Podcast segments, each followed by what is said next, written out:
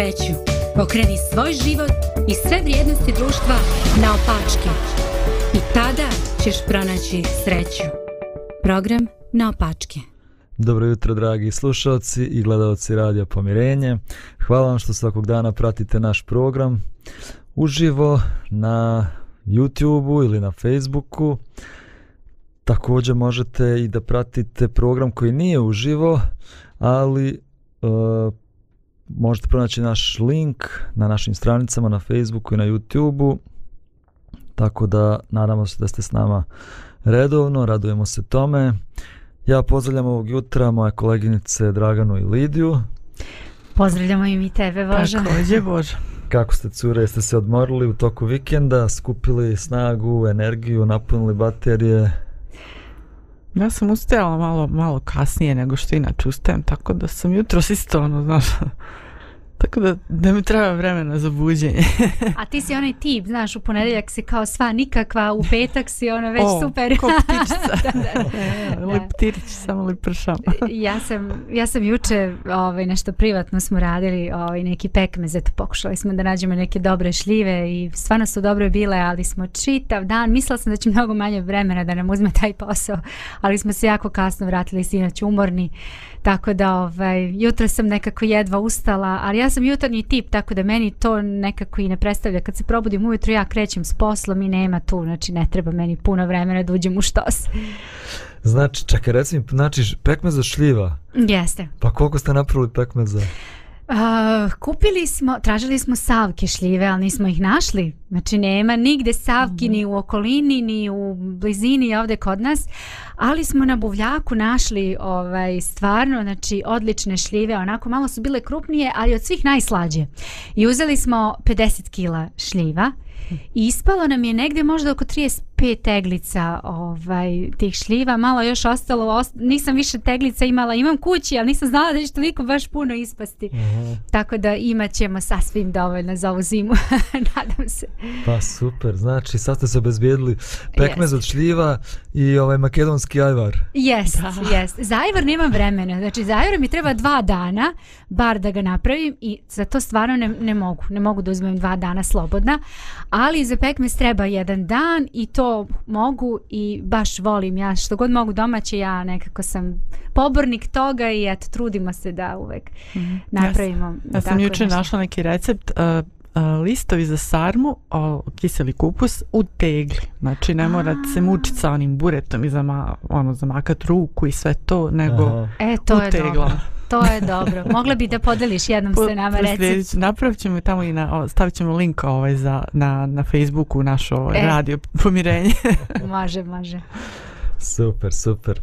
Ovaj, dobro, evo danas jedna tema i malo smo načeli jednom pa već skoro prošlo dve, tri nedlje od toga kad smo govorili o nekim duhovnim borbama, duhovnim ratovima. A danas tema kako uh, kako promijeniti negativne misli. Pa malo ćemo govoriti o tome i kakve veze imaju sa te duhovne borbe i naše negativne misli. Ali prije toga evo da vas pitam, da li se sjećate filma Podzemlje? E, ja nisam gledala taj film, iskreno. Kusturicin film, poznat film. Da, da, da. da. To je gledala, poznato i čini mi se da sam ja to gledala, ali sam to sad zaboravila. Žao mi se ne Ja inače i ne pamtim filmove po naslovima, tako da meni kada ispričaš radnju, ja kažem, aha, znam, to je taj film. da, ovaj, ovaj biste sigurno zapamtili da ako ste gledali. Uh, govori se, uh, govori se o nekim dešavanjima koja su počela u drugom svjetskom ratu i taj film nas vodi od drugog svjetskog rata pa sve do ovog rata u, u bivšoj Jugoslavi 1991. godine. A govori se o dva prijatelja Marku i Petru i Marko je pred kraj drugog svjetskog rata zatvorio svog prijatelja Petra i poveću grupu ljudi u jedan podrum da bi ih spasio od Njemaca, a u stvari želio je da on bude sa Natalijom, djevojkom koju su obojica voljeli. I onda je htio da skloni Petra. I tako je rad završen, a on je Petru i tim njegovim prijateljima u, u podrumu stalno donosio vijesti kako rat napreduje, kako Njemce napreduju. I to je trajalo punih 50 godina. Znači 50 godina držao ih je u to nekom bunkeru.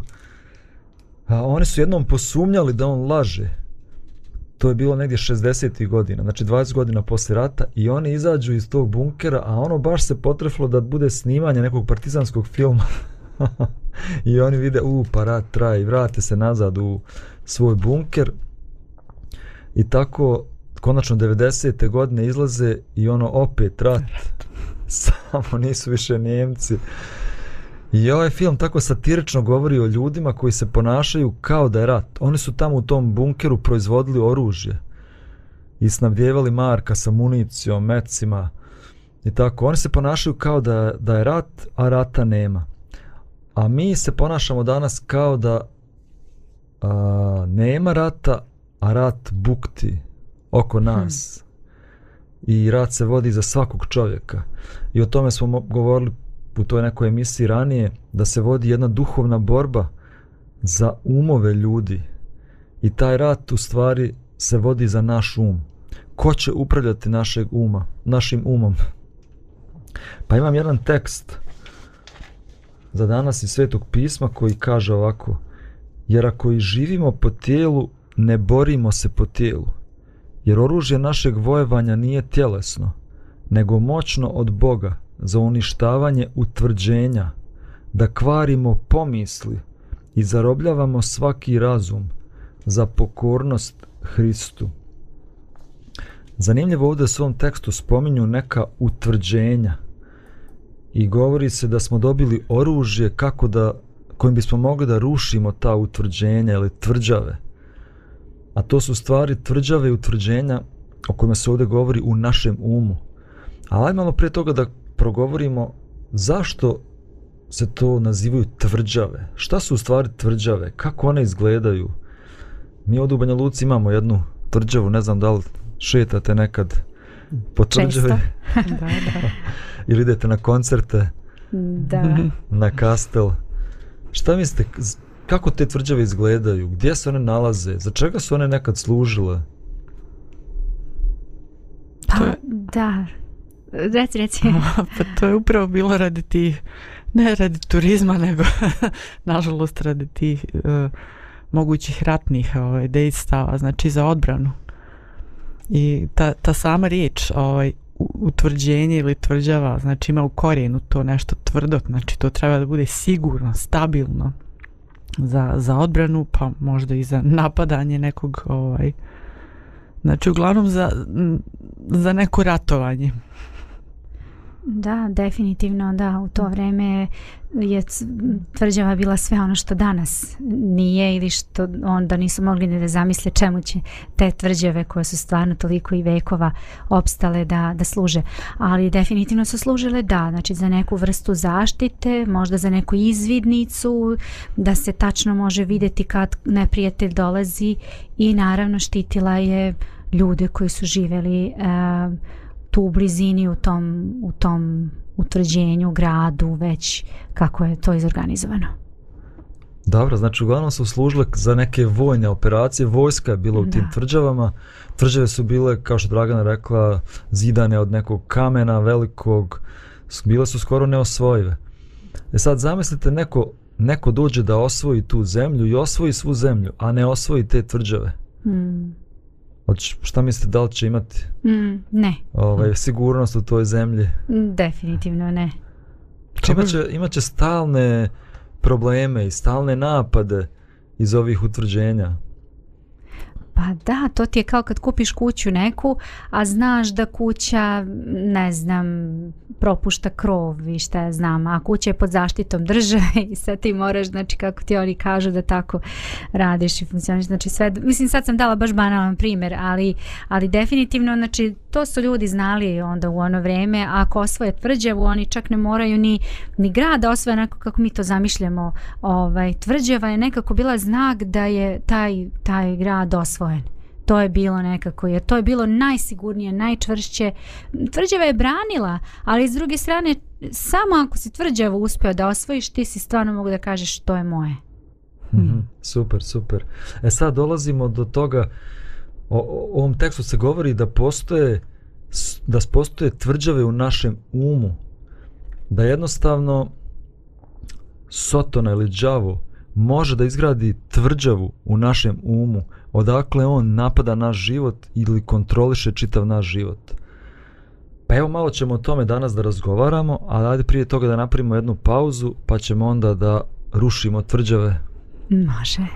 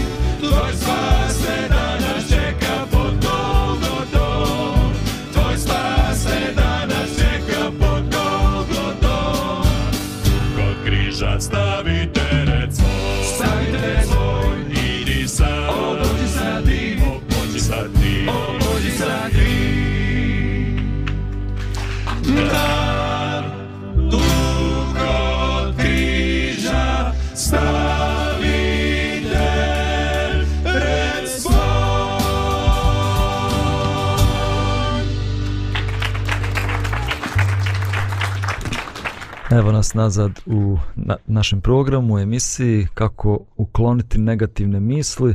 Počeli smo sa temom o tvrđavama u našem umu koje mogu da upravljaju našim životom, kontrolišu naš život, stvaraju probleme našem životu. Hajde malo da govorimo o tome kako nastaju te tvrđave. Uh, ne znam šta vi mislite o tome, ali evo recimo jedan, jedan tekst također iz Novog Zavetra ću da pročitam koji kaže ovako – Ako se ljutite, ne griješite. Ne dopustite da sunce zađe, a da niste se riješili ljutnje. Ne dajte uporišta đavolu u svom životu. Ovaj tekst nam u stvari govori da gnjev može da postane uporište sotone. E, kako to obično ide? Neko te povrijedi i ti počneš da razmišljaš o tome. I onda i drugi dan razmišljaš o tome, i treći dan razmišljaš o tome, i tvoj um se stalno bavi time, kako je mogo to da mi uradi, zašto je to uradio. I vremenom ta ljutnja ili povrijeđenost preraste u ljutnju, ljutnja preraste u ozlojeđenost, gorčinu, i na kraju ta gorčina preraste u gnjev.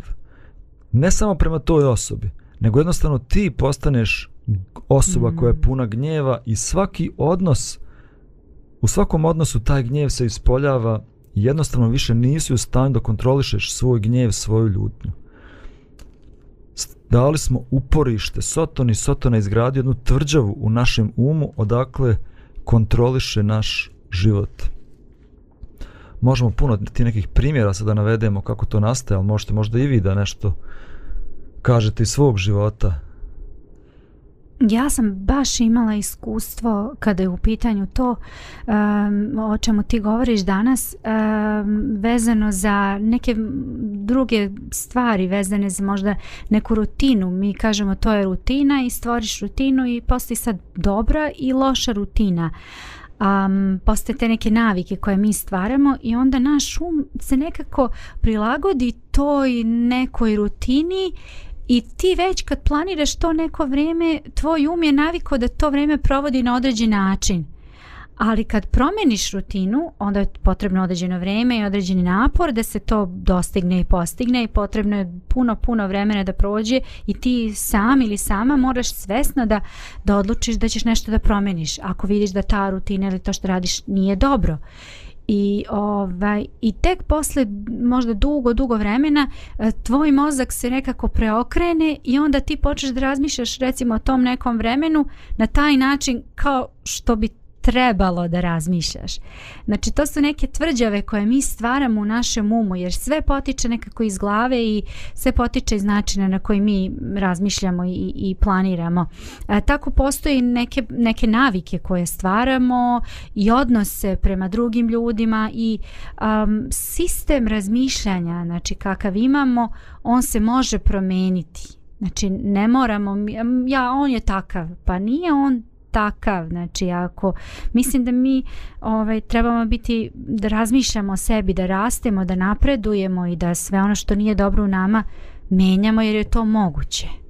Ma da, ja sam imala i tako isto iskustva ovaj, sa, sa tim osjećajem i ovaj, onda, ali dok nisam shvatila zapravo da, da, da da ja taj gnjev koji imam u sebi nekako, ne mogu reći, ne, ne znam je li bio gnjev ili, ili ne znam šta je to bilo, uglavnom ovaj, nikako nisam mogla da se, da se odbranim od nekih uh, strelica neki, nekih osoba i ovaj uh, dok nisam shvatila zapravo čekaj malo to me, to, te osobe i ne znaju da sam ja gnjevna mm -hmm. na mhm. njih i ovo mene najviše uh, E, povređuje, ne povređuje njih, šta god ja mislila o njima i onda čekaj malo, ili do mene ovdje nešto uh, i to su ljudi kao ja i onda to polako išlo polako, polako i onda, onda se to stišavalo i onda vidim da se to fino čisti mm. da to utvrđenje koje je Sotana ovaj,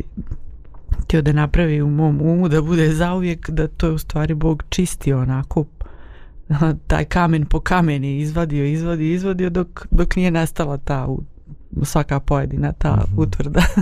ja sam imala situaciju isto tako, ovaj, sad si me podsjetila i da možda eto kažem, ovaj, kad, da su mi nekad neki ljudi rekli o nekome, on je takav.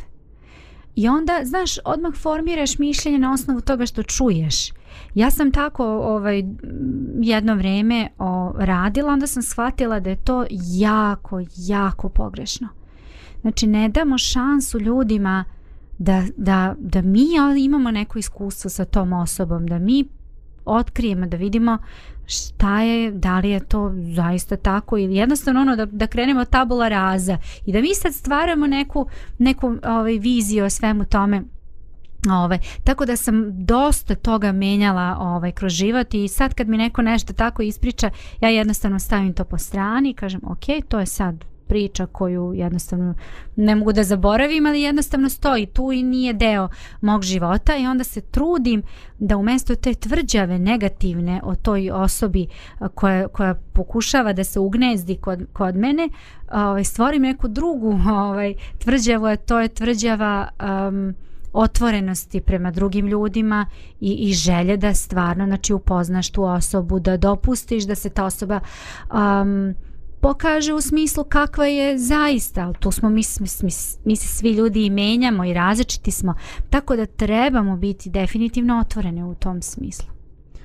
Uh, ok, uh, ajde ja ću da spomenem još nešto u vezi ovih tvrđava, samo da kažem prvo to zašto se vodi borba za naš um, Zato što uh, naše misli utiču na naša osjećanja. Mm. Osjećanja utiču na ponašanje. Ono što mislimo, to jesmo i tako se i ponašamo. I onaj ko upravlja našim mislima, on upravlja našim životom. I zbog toga se vodi borba za naš um. Uh, ja, već sam spomenuo to na našim emisijama, ja radim sa zavisnicima, uh, I mogu ja ovo da ispričam u kontekstu njihove borbe. Čitaš novine na internetu i, prona, i odjednom se pojavi neki link za neki nemoralan website i pojavi se misa u umu. A što ne bi samo to za jedan sekund otvorio? I otvoriš, klikneš i onda gledaš nekoliko sati i onda tvoj um počne da se bavi tim što si gledao.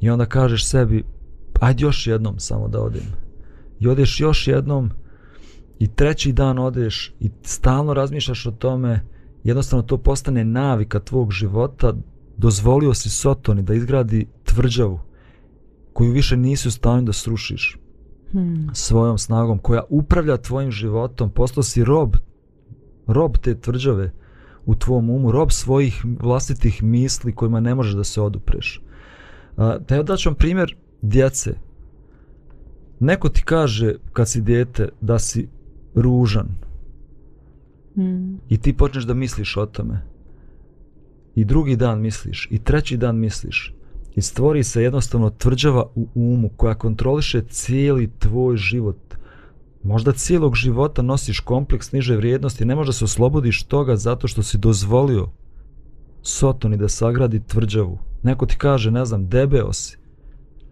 ili tako, djeca mm-hmm. razne pogledne mm-hmm. stvari govore jedni drugima i djete koje razmišlja o tome, povjeruje u sve to, počne se baviti time, dopusti da se u njegovom umu sagradi tvrđava koja kontroliše cijeli njegov život i to možda traje decenijama, nije u stanju da promijeni svoje misli. Ja ne znam da li se, evo, vi ste neke vaše primjere spomenjali, ja sam imao i neke oko drastične primjere, ali i neke manje drastične, ne znam, počnem se baviti nekim ne, ustanem ujutro i dođu mi neke negativne misle. Ne mhm. moraju to biti misli o drugim ljudima, već jednostavno negativne misle o životu. E, nekako više gledam iza sebe nego što gledam ispred sebe. Stalno razmišljam o prošlosti. To me sputava da živim u sadašnjosti. I ne mogu da se oslobodim. Ne mogu da se oslobodim tih misli. Uh, želim da se oslobodim, ne želim da mislim o tome, ali što više ja želim da se oslobodim, one sve više dolaze u moj um i opet kontrolišu moj život. A, kako srušiti te tvrđave? Kako ukloniti negativne misli? Mislim da je to jedno baš važno pitanje, jer mhm. kad bismo to uspjeli da uradimo, koliko bismo bili slobodni ljudi? Definitivno, definitivno. Uh, verovatno ćemo o tome pričati u emisiji, ali ono što meni sad prvo pada na pamet jeste da sama ta priča i svesnost toga da smo mi izgradili neke tvrđave, to je dozvolili da se izgrade u našoj glavi neke tvrđave, je izuzetno dobar korak ka napred. Jer poricanje je najgora stvar koju možemo da uradimo. Ne, ja nemam problem. Ne, to šta, to je tako, nema tu šta. Mm. I to je to. Znači ti kad, kad jednostavno kad ti osoba tako kaže, ne postoji način da ti ili da ti menj, da pomogneš osobi da se promeni, a još manje će ta osoba sama da se promeni. Ali sama ta svesnost da postoji nešto što, što nam m, mm, može biti pot, potencijalna o, o, m, mm, i opasnost i, i problem je nešto što je vrlo, vrlo pozitivna stvar. E onda idemo dalje. Sigurno, sigurno. Jer ovo, ovo nastaje nesvjesno u nama. Ti razmišljaš o nečemu, ne misliš, ja ću postati rob te jedne misli koja je došla u moj um. Mm -hmm. Ali ona se stalno ponavlja, stalno se ponavlja, stalno dolazi u tvoj um. I nesvjesno ti si jednostavno dopustio da ti se sagradi jedna tvrđava u tvom umu. Nisi ni svjestan da ona kontroliše tvoj život. Ti vidiš da si postao nervozan. Ti vidiš da uh, drugi ljudi svađaš se s drugim ljudima, nemaš trpljenja za svoju djecu, a ne shvataš da je to posljedica te tvrđave Jeste. u tvom umu. Jeste.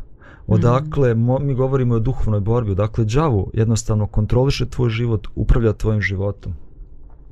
Ovdje smo čitali ovaj tekst koji kaže da smo dobili oružje koje je moćno za rušenje tvrđava.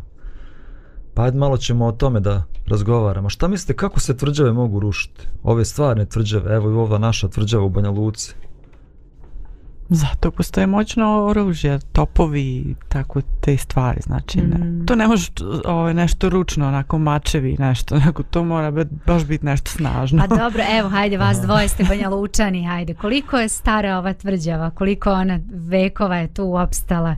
A ovaj, znači, vekovima, vekovima, vekovima unazad, u odnosu na ove zgrade današnje koje se zidaju i grade, znači, to su stvarno bile građevine. Inače, tvrđava ima to imamo naravno svuda po svetu i u našoj okolini, ali tvrđave su stvarno nešto što traje, nešto što je stvarno toliko čvrsto i jako i ne možemo mi sad, ne znam, ne može vetar da oduva ovaj, to kamenje silno, ne može, pa čak i oluje i nevremena, znači od, odoleva zubu vremena svemu ostalom, dobro naravno s vremenom se ona malo i urušava, ali ovaj postoji a da to je zanimljivo da se s vremenom urušava ima i tu malo Aha. ovaj to možemo razmišljati ali nedovoljno je to mora ipak nešto drastično da se desi znači nešto neka vrsta možda dinamita ozbiljnih topova i ozbiljnih znači nekih preokreta se moraju dogoditi da bi se srušila tvrđava Da, evo Dragana govora, ne možeš mačevima. Šta misliš Dragana, sad ti odlučiš da srušiš ovu tvrđavu kastel u Banja Luci, poneseš one motike, krampove... I lupkam kameru. I mogu da lupkam da. kucate na filmu, znaš ono. Yes. Da, da, da. da. I ono, oh. ništa. da, mislim da bi posle dva dana ili posle dva sata, vjerovatno, da. shvatila da ne možeš da srušiš tvrđavu ni krampovima, ni motikama, a to nam govori i o našem životu i o ovim duhovnim mm -hmm. tvrđavama. Ne možemo da ih srušimo sobstvenom snagom. Ti možeš sam sebi da kažeš ne želim o tome više da mislim, ali te misli dolaze nezavisno od naše odluke.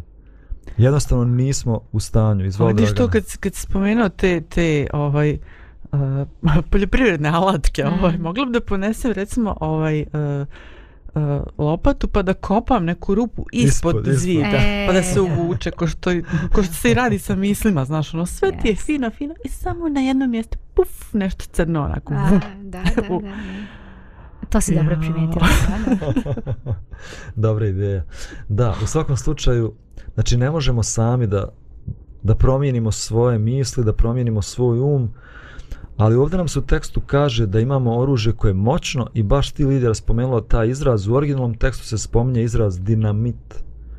Da nam je hmm. Bog dao dinamit hmm. za rušenje tih duhovnih tvrđava. Ali ajde prije nego što otkrijemo šta je taj dinamit, da čujemo jednu a, muzičku tačku pa ćemo da nastavimo.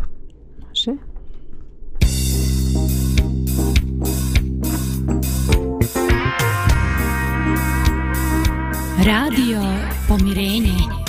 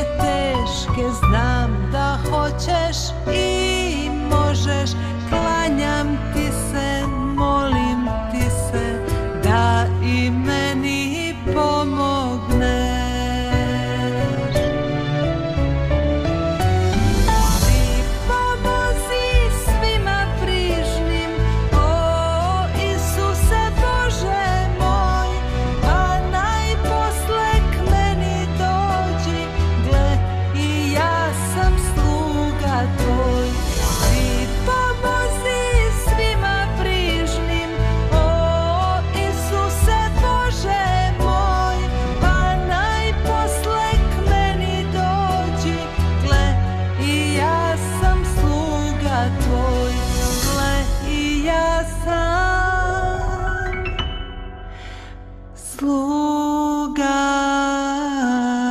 tvoj.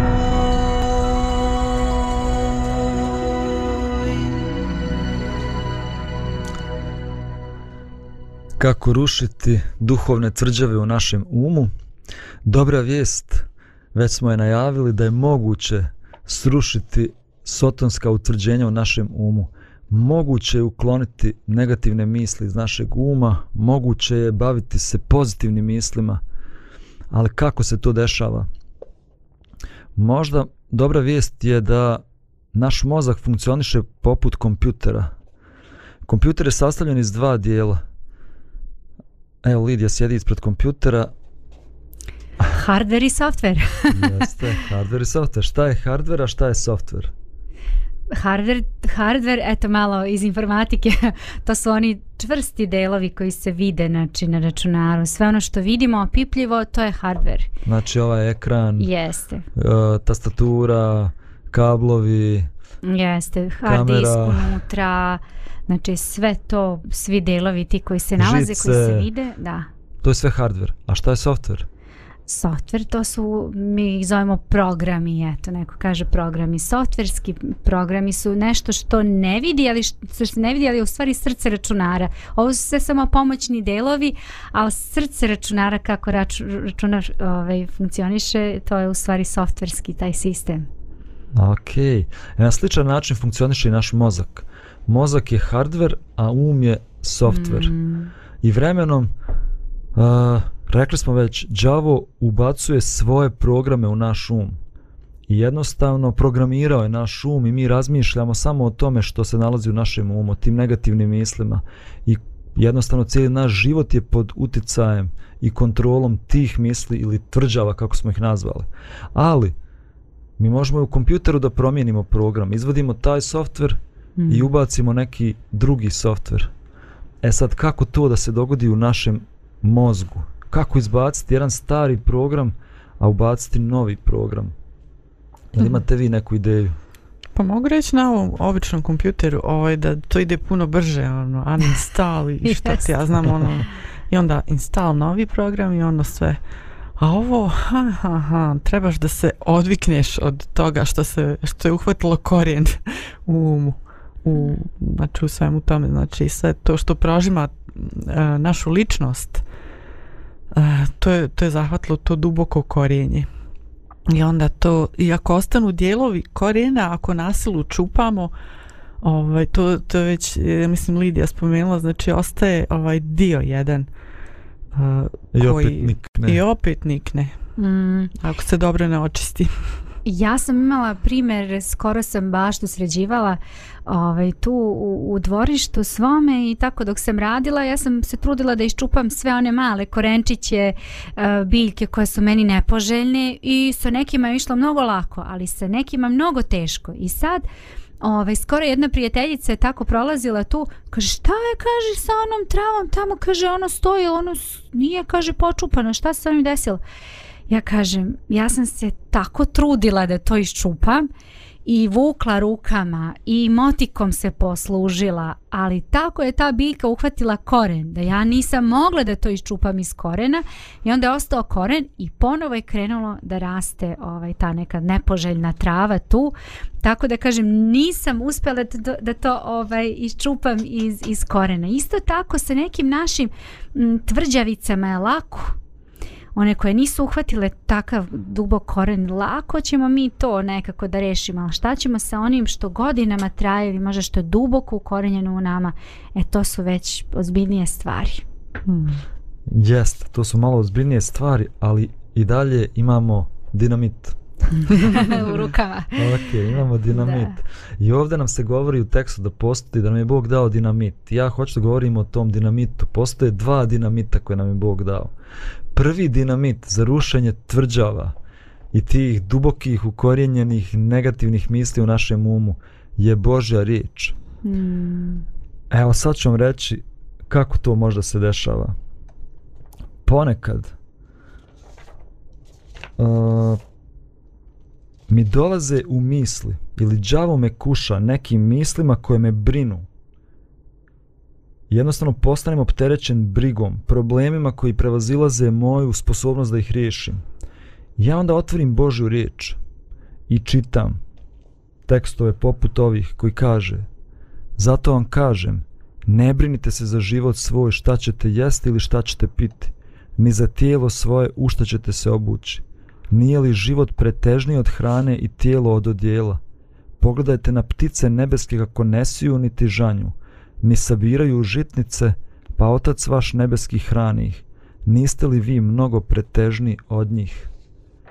I pročitam ovakav tekst, jednostavno jedna nova misao, pozitivna misao mm -hmm. je ušla u moj um. Ne moraš da se brineš. Postoji nebeski otac koji se brine o svakoj ptici, a kamo li da se neće brinuti o tebi? I toliko puta u životu ti je pokazao da se brine. I jednostavno jedan novi program, nova misa ulazi u moj um koja ruši ove stare misli. Evo jedan drugi primjer. Nekad mi dolaze misli straha. Mislim, sigurno i vama mm -hmm. dolaze. Pa, Staviti džavu neku misao straha, plašiš se nečega što će se dogoditi i onda otvoriš Božju riječ i čitaš koji živi u zaklonu višnjega u sjenu svemogućega počiva govori gospodu ti si utočište moje i branič moj Bog moj u koga se uzdam, on će te izbaviti zamke ptičarevi od ljutog pomora, perjem svojim osjenit će te, pod krilima njegovim zaklonit ćeš se, istina je njegova štit i ograda, nećeš se bojati strahote noćne, strijele koja leti danju, pomora koji ide po mraku, bolesti koja u podne mori, pašće pored tebe hiljada i deset hiljada s desne strane tebi, a tebe se neće dotaći kad ja ujutro, a ja svakog jutra imam običaj i naviku da čitam Božju riječ, i kad ja ujutro pročitam ovako nešto, ja nemam nikakvog više straha. Mm. Ja izađem iz tog mog vremena jutarnje molitve i čitanja Božje riječi sa potpunom sigurnošću i bez straha od bilo čega. Izvol, Dragana. Mm, sad mi je pao ovaj napamet stih, samo ga pokušavam naći. Ovaj u Novom Zavjetu što je napisano, znači jevrejima poslanici um, jevrejima je napisano ali zapravo je, odnosi se na svakog čovjeka i odnosi se i na naš um jer je živa, kaže jer je živa riječ Božja i jaka i oštrija od svakog mača oštra s obe strane i prolazi sve do rastavljanja i duše i duha iz glavaka i mozga i sudi mislima i pomislima srdačnim. I nema stvari nepoznate pred njim, nego je sve golo i otkriveno pred očima ono, onoga kojemu govorimo. Wow, meni, meni ovo pomaže zato što ja nekad ne, ne mogu prepoznati šta je u mom umu i neke dobre stvari koje trebam upotrebiti, isto, isto negdje stavim po strani i onda mi treba neko da mi ukaže, da prođe kroz moj um i onda onako, ne oštro, ali um, precizno o, ovo što kaže da je oštra Božja riječ, da, da, je, da je precizna Božja mm. riječ i da dolazi do nekih najdaljih umov, uglova mog uma uh, I onda mi on osvjetlava, e ovdje imaš dobro nešto, upotrebi to i za svoje dobro i za tuđe dobro. Ovdje imaš ovo loše, hajde da zajedno to promijenimo. I, i to me oduševljava, ovo je, ovo je ja mislim, prvi stih za koji sam se baš onako zakačila kad sam počela čitati Boži riječ. Da super, super. Ja bih možda isto ispričala svoje iskustvo um, kada ovog, ovog leta je moj tata imao operaciju um, na srcu, radili smo tri bypassa i bilo je nekih komplikacija posle toga i to su bili neki teški trenuci koje smo mi kao porodice prolazili i u tim trenucima m, nam je Bog puno pomogao uh, upravo u ovom, u ovom smislu ja sam jedno vrijeme mogla da da budem tamo sa tatom, ali e, pre pre toga i kad je došlo vrijeme ovaj da završimo i godišnji odmor, mi smo se trebali vratiti kući, a i da sam ostala fizički nisam mogla da puno pomognem, ali hoću da kažem ta taj povratak nekako kući je meni onako naj najteže pao. Uh, zato što ne mogu da budem u statu, ne mogu ništa da uradim, ništa da pomognem, bukvalno nemoćna sam. Ja hoću nešto da uradim, a ne mogu. I to mi je jako teško palo. I onda sam tako ovaj čitala Bibliju i rekla Bože ti mi, ti mi sada pomozi i stalno te negativne misli, stalno šta će sad biti sa tatom, hoće li on izaći iz bolnice, hoće li s njim biti sve u redu i to me toliko okupiralo da sam bukvalno po čitave dane samo o tome razmišljala. I to se naravno videlo i u porodici, i deca moja, i, i muž. I oni to svi vide i znaju, ne znaju, ne možemo ništa da uradimo, ništa, ali jednostavno te negativne misli su stalno meni bile u glavi. Ali onda sam ovaj tako čitajući naišla na neke stihove koji su me tako ohrabrili. Jedan od tih stihova uh, kaže uh, moje telo i moje srce mogu izneveriti, ali Bog je snaga mog srca i moj udeo zauvek. Ovaj stih je mene baš ohrabrio. Ja sam rekla, Bože, ti sad sve vidiš, ti znaš, ne možemo mi ništa da uradimo, ali ti možeš da uradiš. I kroz te tekstove ja sam nekako dozvolila Bogu da sruši te... Um, tvrđave koje su se stalno gomilale i učvršćivale u moje glavi kako će sve biti negativno, loše, kako je pitanje, kako će to sve proći. I onda sam se nekako prepustila Bogu i rekla sam Bože, ti sad vodi, ne, ne želim da ja više o tome razmišljam i da se bavim tim negativnim mislima. I stvarno mi je Bog pomogao i onako baš sam se ovaj, dobro osjećala. Kad god se setim, ja uvek se vratim na ovaj stih. Bilo je drugih stihova, ali ovaj me je baš nekako hrabrio i rekla sam, Bože, ne daj, aj sad ti preuzmi moje misli i ono što, sa čime se trenutno mhm. bavim. Tako da to je stvarno baš dobra, dobar savjet za čitanje tekstova mhm. biblijskih. Super. Da, mislim da je baš fantastično ovo čemu sad pričamo, zato što govorimo da čitanje Boži riječ, čitanje Biblije nije nešto dosadno, nije to neka formalnost koju trebaš da uradiš svakog dana, da. već je to jednostavno život, kao da nam se otvaraju oči za neke druge realnosti koje ne vidimo dok to ne uradimo. Ot, otvara nam se realnost nekog drugog svijeta, nekih e, drugačijih vrijednosti u životu i ona nas to ispuni uh, i ona nas to vodi u našem životu. I mm. mislim da je to da ja ja bez ja ne znam kako bih ja uopšte živio bez toga. Ja bih yes. bio stalno opterećen, stalno bih bio uh, u strahu, stalno bih bio u brigama, radi milion poslova. Ja ne znam kako bi moj život izgledao da nemam to jutarnje vrijeme sa Bogom, kad jednostavno me Bog odmori, uh, i, i pokaže mi neku drugu realnost i kaže mi ne brini se i ne samo to, nego me Bog nekako i zagrli i kaže mi da me voli i da mi neku sigurnost Jeste. Da, mi emotivnu ovdje... utjehu. Da, mi ovdje govorimo baš o ozbiljnim stvarima, nije to samo da Bog se nasmiješi pa one romantične neke predstave o Bog koje imamo pa nas onako lupne po mhm. ramen, mm. pa ja sam tu, ja te volim, ja ovo, nego ovdje baš govorimo o ozbiljnim stvarima, znači on se brine za, za nas i, i, i mi se zekiramo tako mnogo stvari 90% mhm. i više toga se ne dogodi yes. Jest. Ovaj, a on, on jednostavno o, rasterećuje čovjek. Nije to samo, o, Bože reći, da je to o, hrana za um, nego je to lijek za um, za, za ličnost. Tako je. Jer tu se govori o tim, a, o toj bolesti zvanoj zlo. Mm -hmm i mi smo svi zaraženi tom bolešću, tako da je to opasna stvar i ozbiljna i onda nam treba i ozbiljan lijek. mm, definitivno. Hmm. Evo, ja ću pročitati još nekoliko tekstova koji su meni značili. Znači, nekad, nekad me džavo kuša nekim obeshrabrujućim mislima i onda otvorim Božju riječ i čitam Što si klonula dušo moja hmm. i što si žalosna? Uzdaj se u Boga, jer ću ga još slaviti, mm. spasitelja mog i Boga mog. I ne znam, kad ja pročitam ovakve riječi, ja stvarno više nisam obeshrabren i kažem sebi, pa što si klonuo, što si žalostan, uzdaj se u Boga. Ili ne znam, nekad džavo nas kuša osjećanjima krivice, posjeća nas na neke događaje u prošlosti, neki naš grijeh, nešto smo radili ranije i ona te to opterećuje i misliš o tome, a onda otvoriš Božu riječ i čitaš rasuću kao oblak prijestupe tvoje i grijehe tvoje kao maglu. Vrati se k meni jer sam te izbavio. Boža riječ je stvarno jedan dinamit koji ruši sotonske tvrđave u našem umu, ali postoji još jedan dinamit, a on se zove molitva i o njemu ćemo govoriti nakon kratke pauze.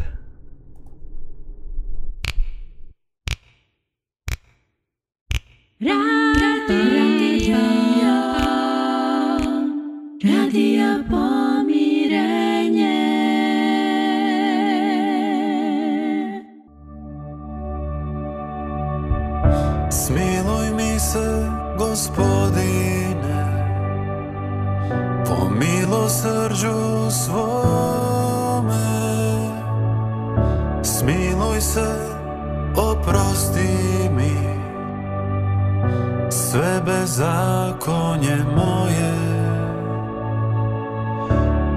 Oproste Bože, smiluj se, ja zgriješih tebi sam.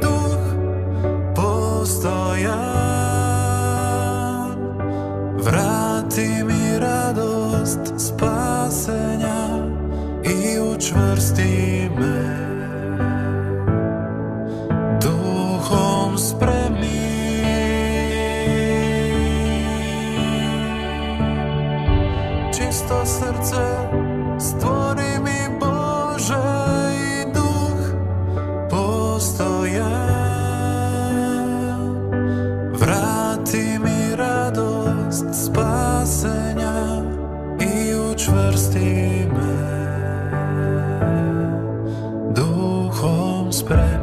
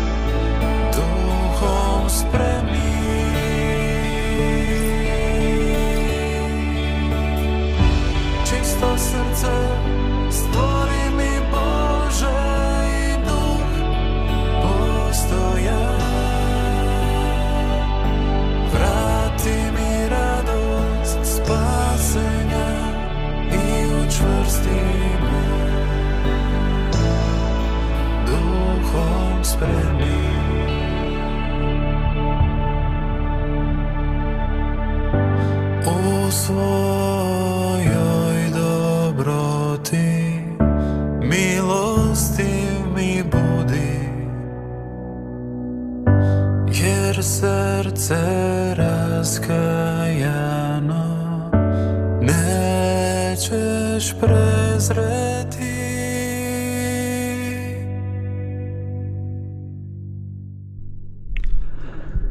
Evo nas nazad u programu i približavamo se kraju naše emisije.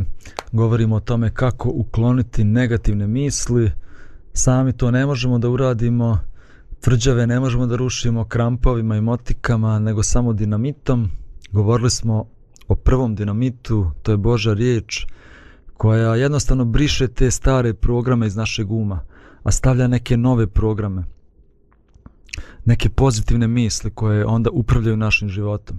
A postoji još jedan dinamit za uklanjanje negativnih misli, a on se zove molitva. Jel imate neku ideju kako molitva može da ruši tvrđave i da uklanja te negativne misli?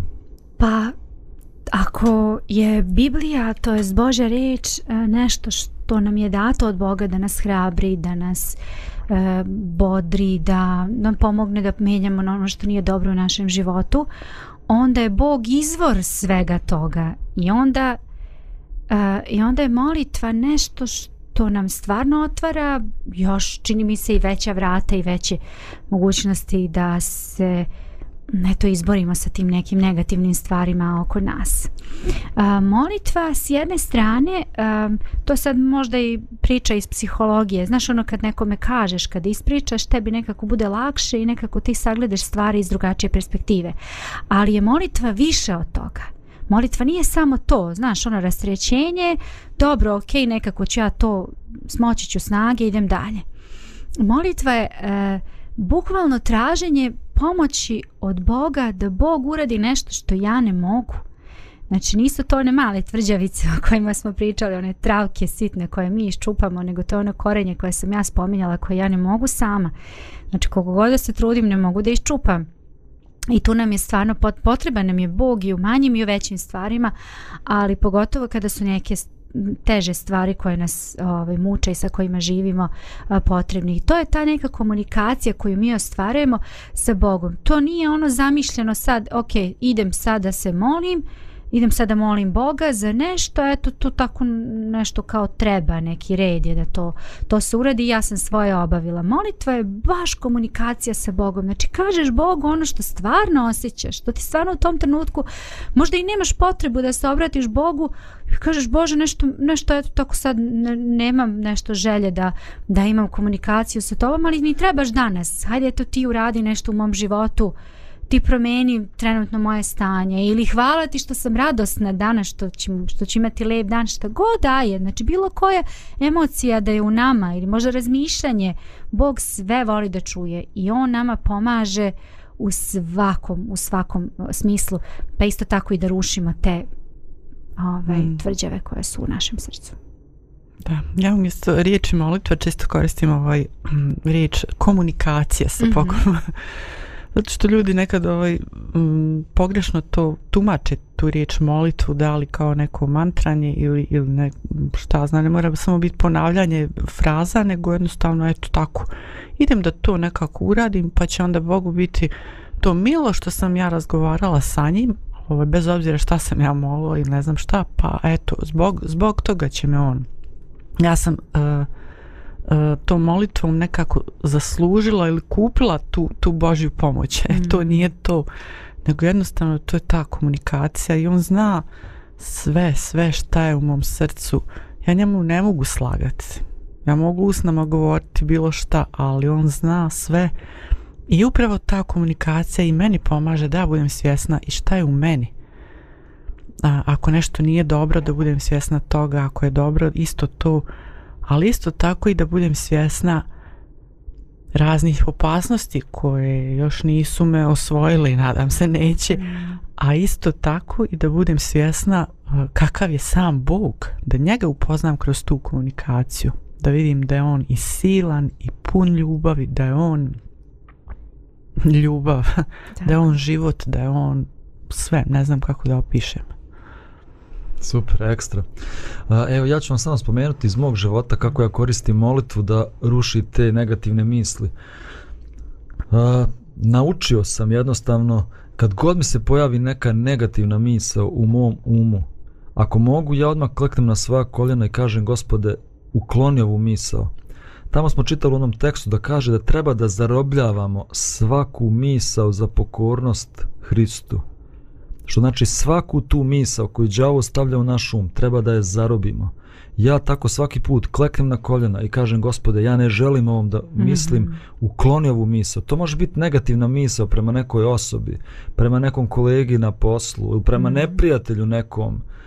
Ali kad god se pojavi tako neka negativna misao, neko iskušenje u mom umu, kleknem na koljena i pomolim se i kažem, ne mora to biti neka dugačka molitva, ja samo kažem, gospode, ukloni ovu misl iz mog uma, ne želim da se ovim bavim.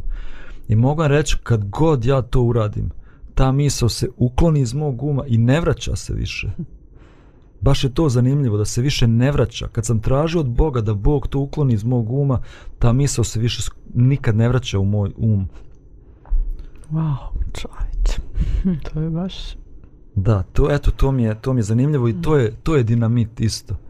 Čim se pojavi korijen, mali korijen koji možda naraste u neku veliku nezgodnu biljku, izvadi ga odmah kroz molitvu. Traži od Boga da Bog to iščupa iz tvog uma, da to više ne dolazi u tvoj um.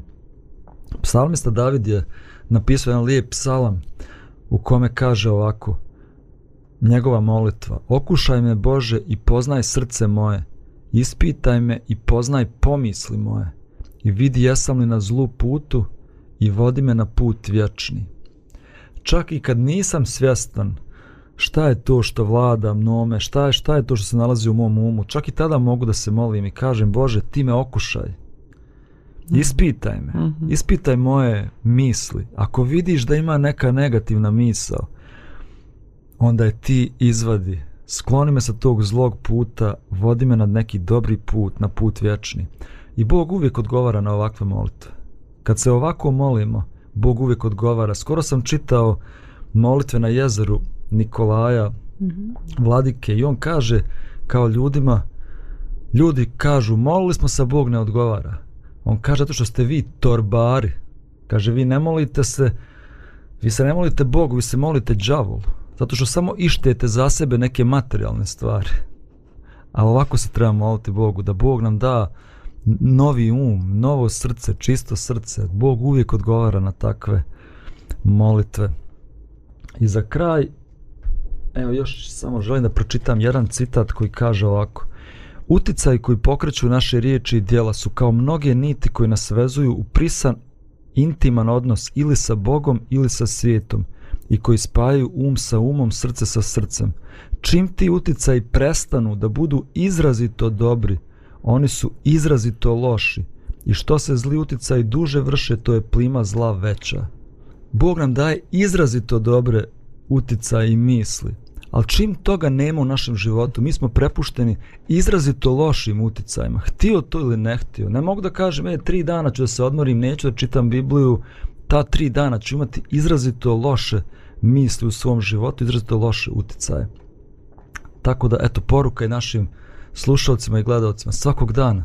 Izložite sebe Božjem uticaju, uticaju uh, Božje riječi, molitve, da biste imali pozitivne misle, da biste imali promjenjen život. Želim vam lijep dan, slušamo se i gledamo ponovo sutra. Pozdrav s naše strane. Najbolje.